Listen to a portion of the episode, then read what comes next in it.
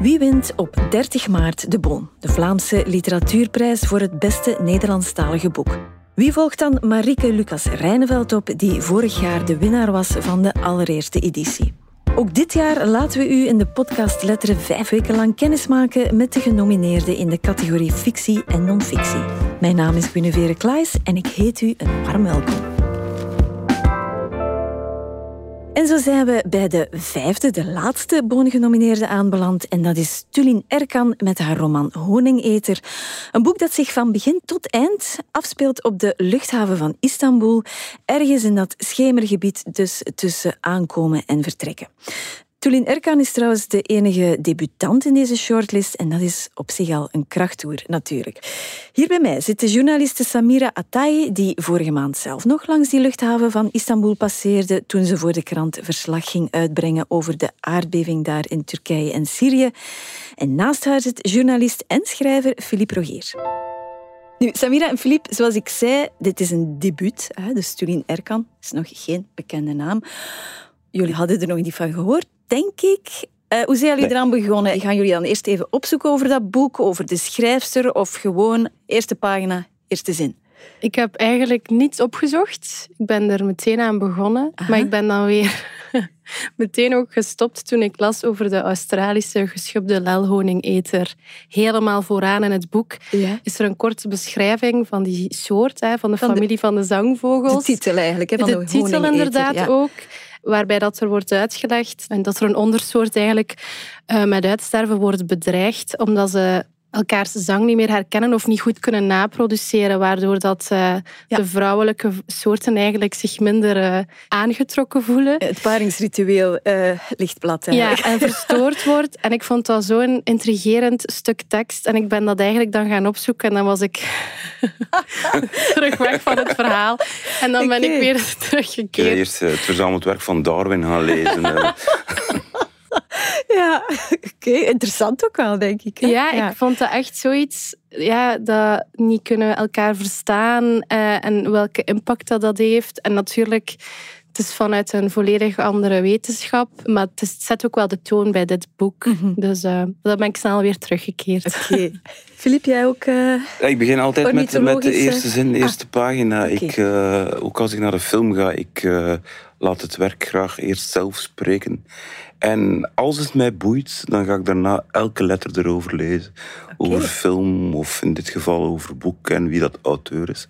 Maar zeker bij het debuut. Gewoon blind beginnen. Blind beginnen, ja. En als de eerste pagina mij te pakken heeft, dan lees ik voort. En was dit het geval? Want misschien, hè, voor we verder gaan. Ja. Iemand van jullie zou ons toch even moeten vertellen wat hier in Honingeter gebeurt. Het gaat eigenlijk over drie ontheemde personages. Mhm. Zoals je al zei, die in uh, stranden of elkaar tegenkomen op de luchthaven in Istanbul. Ze zitten daar eigenlijk gevangen in die luchthaven, die een soort niemandsland is, een mhm. transitzone. Is het een zelfgekozen gevangenschap? Dat is niet altijd even duidelijk. Drie personages dus. Enerzijds een ouder wordende, wat uitgebluste security agent. Umer, denk ik dat ik het moet uitspreken. Ja. O-umlaut M-E-R. Ik zet accent op die Eumer leggen, maar ik weet het niet. Ik ben geneigd om, het, om het op zijn Vlaams te zeggen Omer, maar dat klopt dus niet. Want het is, het is de zoon van een uh, gastarbeider die uh, uh, naar Genk Waterschei gekomen is, dus naar België gekomen. En dat is een securityagent. Een in de luchthaven hmm. ronddolende fantast die zich piloot waant. Of het ooit echt geweest is, dat is mij ook niet altijd helemaal duidelijk eigenlijk. En dan heb je het hoofdpersonage, Sibel Kaya, een vrouw van Turks afkomst, waarvan de uitgebluste security-agent, Umer, zich afvraagt, blijft ze verloren lopen of blijft ze doelbewust dwalen? Ja, dus het boek gaat inderdaad over Sibel die wacht, rondloopt, dwaalt op die luchthaven in Istanbul. En eigenlijk de wereld rondom haar, en dat is een heel kleine wereld op de luchthaven, aan het analyseren is en aan het beschrijven is voortdurend. Met hier en daar ook wel nog een filosofische insteek. Mm En terzelfde tijd, wanneer zij naar de luchthaven kijkt en hoe dat, dat klein systeem daar werkt, mhm. hoe dat mensen met elkaar omgaan, hoe dat er wordt gesproken. Hè. je hebt de taal van de angst. Dus al die zaken aan het beschrijven wordt zij ook bekeken door Umer. Ja, die, die veiligheidsagent is en die dus haar volgt op zijn schermen eigenlijk. Ja. En die dus haar ook bekijkt. En ondertussen krijg je hun verhalen meegekregen vanuit hun perspectieven. En dan heb je ook de ontmoeting tussen Sibel en, en uh, Vernike, de, de zieke piloot eigenlijk, die daar uh, tussen komt te dwalen. En ze zijn eigenlijk alle drie in hun leven in een soort van tussenruimte, of zo voelen ze zich althans. Mm En terzelfde tijd speelt het verhaal zich af op een plek dat je ook als een tussenruimte kunt zien. Mm een die bedoeld is om altijd te verlaten en om afscheid van te nemen. En dat is eigenlijk ook wel de rode draad doorheen het verhaal. Wat is afscheid nemen? Hoe doe je dat? En wie doet dat wanneer? En zij mhm. hebben dat alle drie op bepaalde manieren moeten doen. Maar ze kunnen het niet. Maar ze kunnen het, niet. En dat is eigenlijk het punt. Dus eigenlijk is de sfeer doorheen heel het verhaal. Ja, je voelt je zo bijna als een touw die heel tijd wordt uitgerokken. Mhm. Het is een heel langzame sfeer, een vol traagheid eigenlijk, mm. omdat er weinig gebeurt. Mhm. Heel veel beschrijvingen ook. Ik denk dat de eerste helft van het boek bijna geen dialoog heeft. Inderdaad. Ja. is echt heel veel. Ja, en Simon, uh, voor alle duidelijkheid, ze blijft daar hangen omdat ze haar vlucht naar Brussel altijd opnieuw mist. Hè. Ze, Het lukt haar maar niet om die vlucht te nemen, hè. om dus afscheid te nemen. Het is zeg maar, hè. een van de centrale zinnen ook in het boek. Uh, mensen die goed zijn in afscheid nemen, je ziet ze niet zo vaak. Ja. We zijn overigens een vierde personage vergeten, Samira. De hond. De hond, inderdaad. en dat is ook iemand die... Um, iemand, een hond, dus um, die ook aan het einde van zijn carrière is, mm -hmm. security hond ook, toch? Mm Drugshond, hè? Drugshond. En uh, Sibel raakt daar dus uh, ja. mee bevriend toch wel. Ja, want zij is dierenarts in opleiding. Zij is dierenarts in opleiding geweest. Ja. Ze heeft dat nooit voltooid, denk ja. ik. En ze sluit vriendschap met die hond. En het boeiende daaraan is, en dan komen we terug op het aspect taal, wat verschrikkelijk belangrijk is in dit boek. En dat ook een van de sterke punten is van dit boek, vind ik, hoe de schrijfster thema van vervreemding en ontheemding in eerste instantie koppelt aan taal. Mhm. En zij zit ook gevrongen tussen die twee talen. Dat is ook een zin die vaak terugkomt van het Turkse alfabet. telt 29 letters, mhm. het Nederlandse 26. Dat zijn er drie te veel of drie te weinig. Zij zit ook tussen die twee. Ik vind het ook mooi dat ze het openlaat. Het is niet te veel of te weinig. Het kan een van de twee zijn. Waardoor dat je ook... Ja. ja. dat dat verlies ook niet ten voordele of ten nadele is. Dat dat daar echt tussen zit. Dat vond ik ook een heel mooie keuze om het open te laten eigenlijk. Mhm. Ook een van de heel, heel mooie zinnetjes in dit boek is... Mijn Turkse taal is gebroken. Mm. Zo is gewoon. Dat je een taal kunt breken zoals je rug kunt breken. Mhm. Mooi. Nu, het blijkt al, hè. er zitten heel veel thema's zijn. Hè? Van taal over ontheemding, transit, die verweesdheid tussen twee uh, culturen. Nu, Samira, je maakt uh, de mooie Klaar Wakker podcastreeks over de vraag: wat is thuis? Was het dan heel herkenbaar voor jou? Ja, toen ik het boek begon te lezen, veel zaken blijven onduidelijk. Als we beginnen, als lezer moet je nog wat dingen uitzoeken. En ik vond eigenlijk het sterkste deel van het boek toen we als lezer nog heel weinig wisten.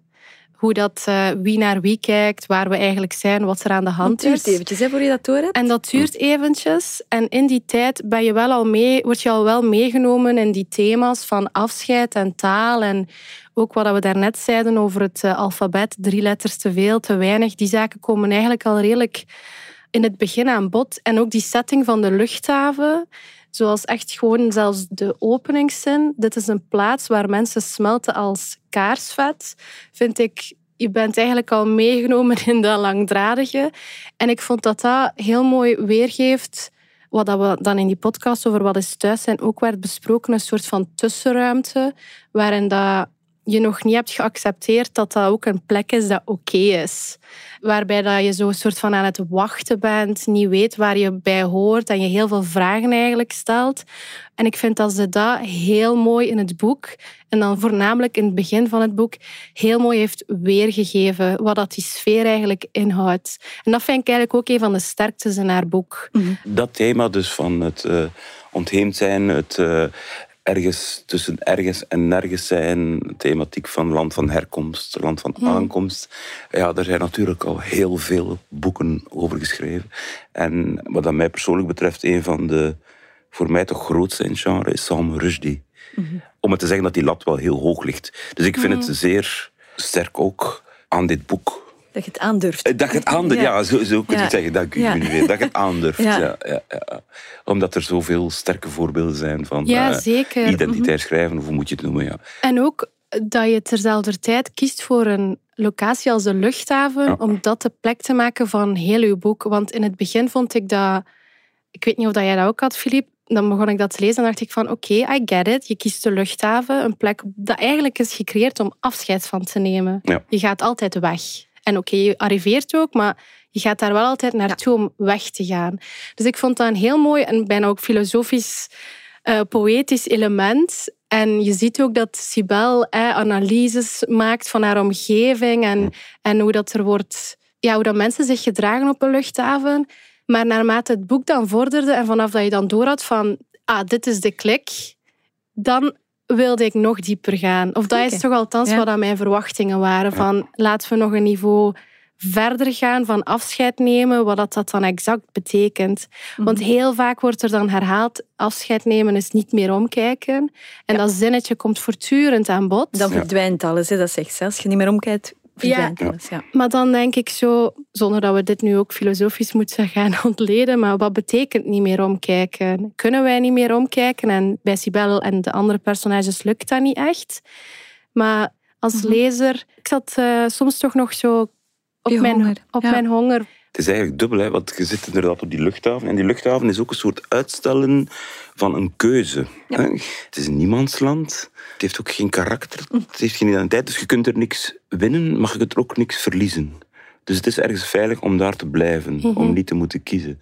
Ik kende de schrijfster niet, het is een debuut, maar ja, het is, het is, iemand die echt kan schrijven. Echt ja, ja, ja, ja, je voelt... Uh, een grote ja, ja. Ik uh, kijk enorm uit naar wat er nog komt eigenlijk. Maar het is dus een debuut, en Philippe. Ik denk zo'n tien jaar geleden intussen al. Hebt zelf de debuutprijs gewonnen met uh, jouw verhalenbundel Nauwelijks Lichaam. Vertel ons nu eens hoe spannend is dat nu eigenlijk om te debuteren? Uh, dat is heel bijzonder. Plots ben je officieel schrijver. Ook al zijt je voor jezelf al langer schrijver, maar uh, en ook al waren uh, die verhalen, de meeste daarvan toch, van die verhalenbundel, al eerder gepubliceerd in literaire tijdschriften. Mm -hmm. Toch is het pas echt als er ja, een hardcover in eerste instantie. En dan later nog een pocketversie van komt. Dus als je geboekstaafd bent, dan ja. ben je plots schrijver. En dat is heel spannend.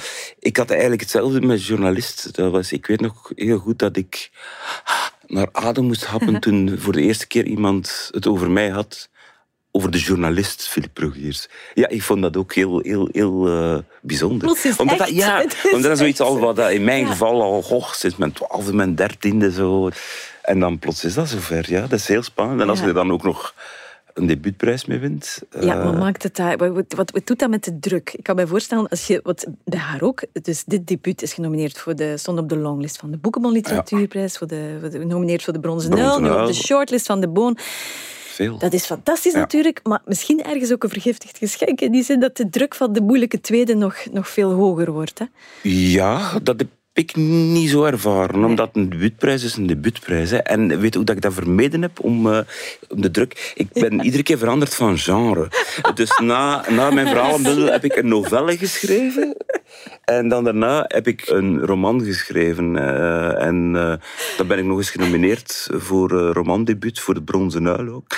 Um, en nu, volgende maand, een beetje reclame maken, komt mijn eerste dichtbundel uit. Dus ik, ik ben van plan om te blijven debuteren. Dat is in de genres wel uitgeput. Ja. Nee, maar dat is de druk. Um, zeker als je nu die prijs wilt winnen.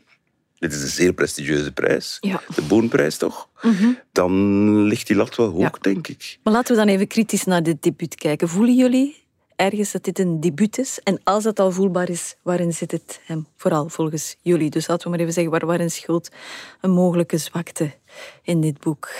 Ik vind heel veel potentieel hebben. Maar inderdaad, zoals Samira ook al zei, hier en daar blijft op je honger zitten. Het plaatje blijft een beetje hangen.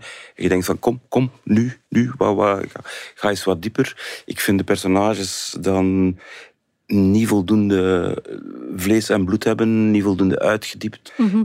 Ja, het is ook bij een debuutroman, en als je ook naar de achterkant kijkt, dan krijg je een beetje uitleg over Erkan, die zelf ook in al die verschillende talen en plekken is opgegroeid. En ik snap dat je in een debuutroman als schrijver thema's die al zo lang in je hoofd rondspoken, dat je dat op een manier ook van je wilt afschrijven. En dus ik snap ook de richting waarin het boek naartoe gaat. En, en mhm.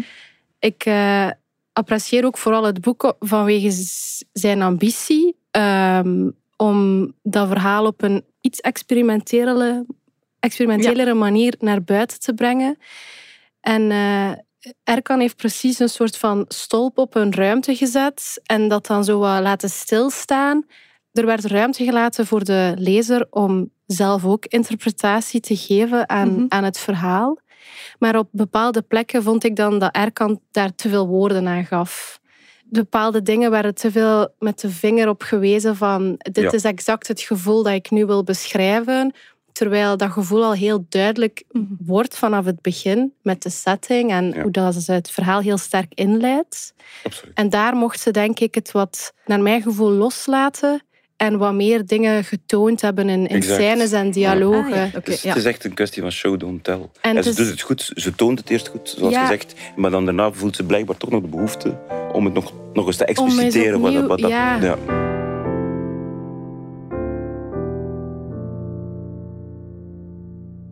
Wil je misschien eens één passage voorlezen? Een passage die jou extra is bijgebleven of extra geraakt heeft? Voor mij is eigenlijk dat is een heel korte passage of hoofdstuk in Departures. En het is twee bladzijden lang, zelfs niet. Of tweeënhalf eigenlijk, jawel. Waarin dat ehm, een beetje het achtergrondverhaal van Eumer duidelijk wordt. De veiligheidsagent. De veiligheidsagent. Mhm. En ik vind dat daar eigenlijk Erkans talent als schrijver enorm naar voren komt. Dus hier is eh, Eumer aan het woord. Ik weet nog hoe de gure wind in mijn vingers sneed die eerste paar maanden. Hoe hard ik mijn jeugdvrienden uit het dorp miste, de geur van mijn moeders keuken, de lokroep van de dorpskapper die mijn haar altijd te kort knipte en hoe ik behalve de taal zoveel dingen in België niet begreep. De mensen, het landschap, het weer. Tot ik een vrouw ontmoette die mij de taal aanleerde en me het weer, het landschap en de mensen deed vergeten. Meer nog, ze schonk me een dochter die me zo goed als alles deed vergeten zelfs mijn thuisland. Dankzij ons kind leerde ik nog sneller de taal. Hoe we door volboekjes letters naar onze hand konden zetten, een wereld voor onszelf konden kneden. Die jaren maakten het werk in de mijnen draaglijk. Hoe mijn vrouw en ik s'avonds in bed elkaar beurtelings uit hetzelfde boek voorlazen. Hoe ze soms deed alsof ze samen met mij bad, zonder te weten hoe en er vaak duizelig van werd. Hoe ik haar mijn fluittaal probeerde aan te leren en we schaterlachten op het tapijt. Hoe we tijdens het avondeten ons bestek neerlegden om voor de televisie te dansen op de weemoed van Brel, tot we niet meer wisten hoe en we enkel nog maar op elkaar stenen konden trappen. Tot mijn vrouw en ik elkaars taal helemaal verleerden tot de laatste letter. Het waren liefdevolle jaren, maar het duurde alles behalve mensenleven. En dan gaat het dus verder. Uh, en dan weet je eindelijk meer over Eumer en wat dat er is gebeurd. In België, toen hij in België in, ja. ja. En dan eindigt hij in die passage met naar Sibel te kijken. En vraagt hij zich af van, zou mijn dochter er ooit zo eenzaam uitzien? En ik vond dat eigenlijk heel mooi gedaan. Je weet plots zoveel meer over hem. Je krijgt inzicht in die verscheurdheid, die bijna trivialiteit van het leven eigenlijk, hoe dat het kan gaan. En dan die reflectie terug op Sibel, dan komt alles terug samen. En dat vond ik echt heel knap gedaan. Mhm. Mijn passage zit helemaal vooraan. Alright. Ja, eh, die had mij enorm mee. En er staat hier dus, uh, dat is het eerste, want ik schrijf in mijn boeken. Uh, de eerste twee pagina's, de beschrijving van de luchthaven, zijn top. Ja. Ik vind als topos heet dat zeer toepasselijk. Ja. Ehm, vind ik echt heel uh, stilistisch, vind ik dat echt heel, heel knap. Lees maar voor. Dus dat is echt het begin van het boek. Dat is echt het begin van het boek. Samira heeft de eerste zin al voorgelezen ook. Dit hier is een plaats waar mensen smelten als kaarsvet. Waar ze druipend wachten ineenzakken op de eindeloze rij stoelen aan de terminals. Waar ze ogenblikkelijk stollen wanneer een intercomstem hun vluchtnummer afroept of de zoveelste vertraging aankondigt. Hier haperen de uren. Geen mens weet hoe lang. Ze weten het niet, maar door continu de pijlen te volgen lopen ze in lussen. Van punt A naar punt C om punt B zelfs niet op te merken en weer bij A te belanden. Het hoofd een tikje naar boven gericht, de standaardpositie. Zo zoeken ze in het eilen naar aanwijzingen, een eindpunt, een gate naar een bestemming. Mochten hun ogen toch naar beneden dwalen, dan staan er op strategische plekken mensen klaar die met een vaste, ingestudeerde choreografie de richting aangeven. Hun armen wiegen zachtjes naar links en naar rechts, gracieus als zwanenvleugels. Dit hier is een plaats waar verdwalen tot kunst verheven is dat vind ik een binnenkomer hoor. Dat vind ik echt een heel sterke. En zoals ik al zei in het begin van deze podcast, ik uh, begin meestal te lezen op basis van de eerste pagina. Dus ik was, uh, mijn verwachting zal daardoor misschien ook okay. van in het begin heel hoog gelegen hebben. En, uh, maar ze is niet beschaamd, toch ook niet volledig. Dus ik, ik vind het echt wel een heel verdienstelijk boek. En ik ben heel benieuwd naar, naar nog naar volgend werk ook nog van deze schrijfster. Zeker en vast, ja. Zijn jullie goed in afscheid nemen eigenlijk? Goeie vraag. Misschien wel ben je ook wat nostalgisch gezind? Zo moeten mensen zeggen. Ja. Dat is een heel intieme vraag, hè? Ja, dat is ah, is fascinerend, hè? Het, is, dat is, het zegt zoveel. Hoe goed ben je in afscheid nemen? Eigenlijk niet. Ik weet, ja, ik weet het ook niet. Ik neig wel soms een beetje naar de nostalgie en de melancholie. Maar als het moet, kan ik ook wel een knopje omdraaien, denk ik. Ik denk dat het is te zien van wie of wat je afscheid neemt. Bij mij heeft het een negatievere connotatie. Ja? Ja. Niet kunnen afscheid nemen kan iets heel hard zijn ook. Je neemt geen afscheid, maar je loopt weg. Vlucht. Niet meer omkijken en verdwijnen eigenlijk. Ja. Dan wil je, maar niet omkijken, you gotta walk and don't look back, dat klinkt nog positief, vind ik. Oké. Maar je kunt ook vluchten weglopen. Dat is interessant. En dus dat, is, dat is eigenlijk niet, niet kunnen, niet durven niet afscheid, afscheid, nemen, Niet, mooi, niet mooi kunnen afscheid nemen. Ik weet niet dat ik het moet uitdrukken. Maar, ja, maar ik ga daar een keer een boek over schrijven. welk, in welk genre, Philippe? Dat is de vraag. Ga je een essaybundel uitgeven, nee, Philippe? Nee, geen essays meer. Het is gedaan met de non-fictie. Dat doe ik niet meer. Nee. Maar het is dat wat zo interessant is, toch? Want ik bedoel, wat is afscheid nemen? Wat ik ook wel vind bij dit boek bijvoorbeeld, eh, de keuze van te uit te leggen dat afscheid nemen niet meer omkijken is. Mm. Dat mag, want iedereen heeft een eigen perceptie daarop. Maar wat impliceert dat exact? En wanneer dat je dit boek leest, vind ik dat dat ook in het midden wordt gelaten. Mm. Dat is natuurlijk enerzijds een bepaalde keuze van het te laten eh, hangen bij de lezer en dat je daar dan zoals nu dat wij aan het doen zijn, daarover verder te babbelen. Mhm. Maar uh, echt een duidelijk antwoord op wat dat niet meer omkijken dan betekent, krijg je ook niet. Nee. Er zit op de achtergrond nog een ander mooi personage en dat is de groot Baban. Baban Haar wordt die genoemd, hè? Van, uh... Baban? Baba ja, Anne. Baba Anne, is zo dat je het moet uitspreken? Ja. Ik denk het, hè. ik weet het niet zeker. Niet. Maar dus haar mooi. grootmoeder, haar Turkse grootmoeder. Dat, is heel, dat zijn ook heel mooie passages. Dat is waar. Haar herinneringen aan vroeger hè, in Turkije, ja. dat is waar. Zie, er zit zoveel in, maar we gaan moeten afronden, afscheid nemen met andere woorden. Ik loop gewoon weg. Blijf nog even zitten, Filip. Want ja, ik moet de vaste slotvraag stellen. Mag dit boek voor jullie de boon winnen? Ik zeg niet moet, mag. Ik waardeer het boek voor zijn ambitie. Mhm. Voor waar het naartoe wil gaan. Soms kan je van boeken kan je echt boeken liefhebben omdat je ziet welk doel dat het heeft, waar het naartoe wil. En ik vind bij dit boek zo, dat wel eigenlijk een sterk punt dat er heel veel ambitie in zit en dat er wordt geëxperimenteerd en gedurfd om bepaalde thema's ook met een twist te willen aanpakken. Anderzijds vond ik dat er hier en daar toch ook wel open deuren in zaten. Dingen die mochten uh, nog weggestoft worden mhm. om het verhaal nog iets meer diepgang te geven. Maar dan, uh, ja, je moet een boek appreciëren voor wat het is en niet mhm. voor wat jij wil dat het, uh, dat het is. Maar dit is een prijzenswaardige ambitie. Zo, ja. zo, zo wat ik zei. Ja. Het smaakt absoluut naar meer. En ook eh, wie dat ook maar enkele mooie, mooie zinnen kan schrijven, uh, die, die, die geef ik als lezer dan graag alle krediet. Jozef de Leu zei altijd tegen mij, als je Jozef de Leu, ook maar één goed gedicht geschreven hebt in je leven, zijn een dichter voor altijd. Dus deze vrouw kan schrijven, dat hebben we ook al gezegd. Zeker, ehm, maar de concurrentie voor de boon is natuurlijk groot. En ik denk iets te groot. Um, we kijken uit naar haar volgende boek. Ja, ja. voilà. Samira en Filip, mag ik jullie danken voor jullie innemende verslag. Dank u. Merci. En zo zit deze laatste bonusspecial van Letteren erop. Blijft u vooral nog even meestemmen op uw favoriete boek via standaard.be schuine streep de boon. U kunt er een weekendje Gent mee winnen.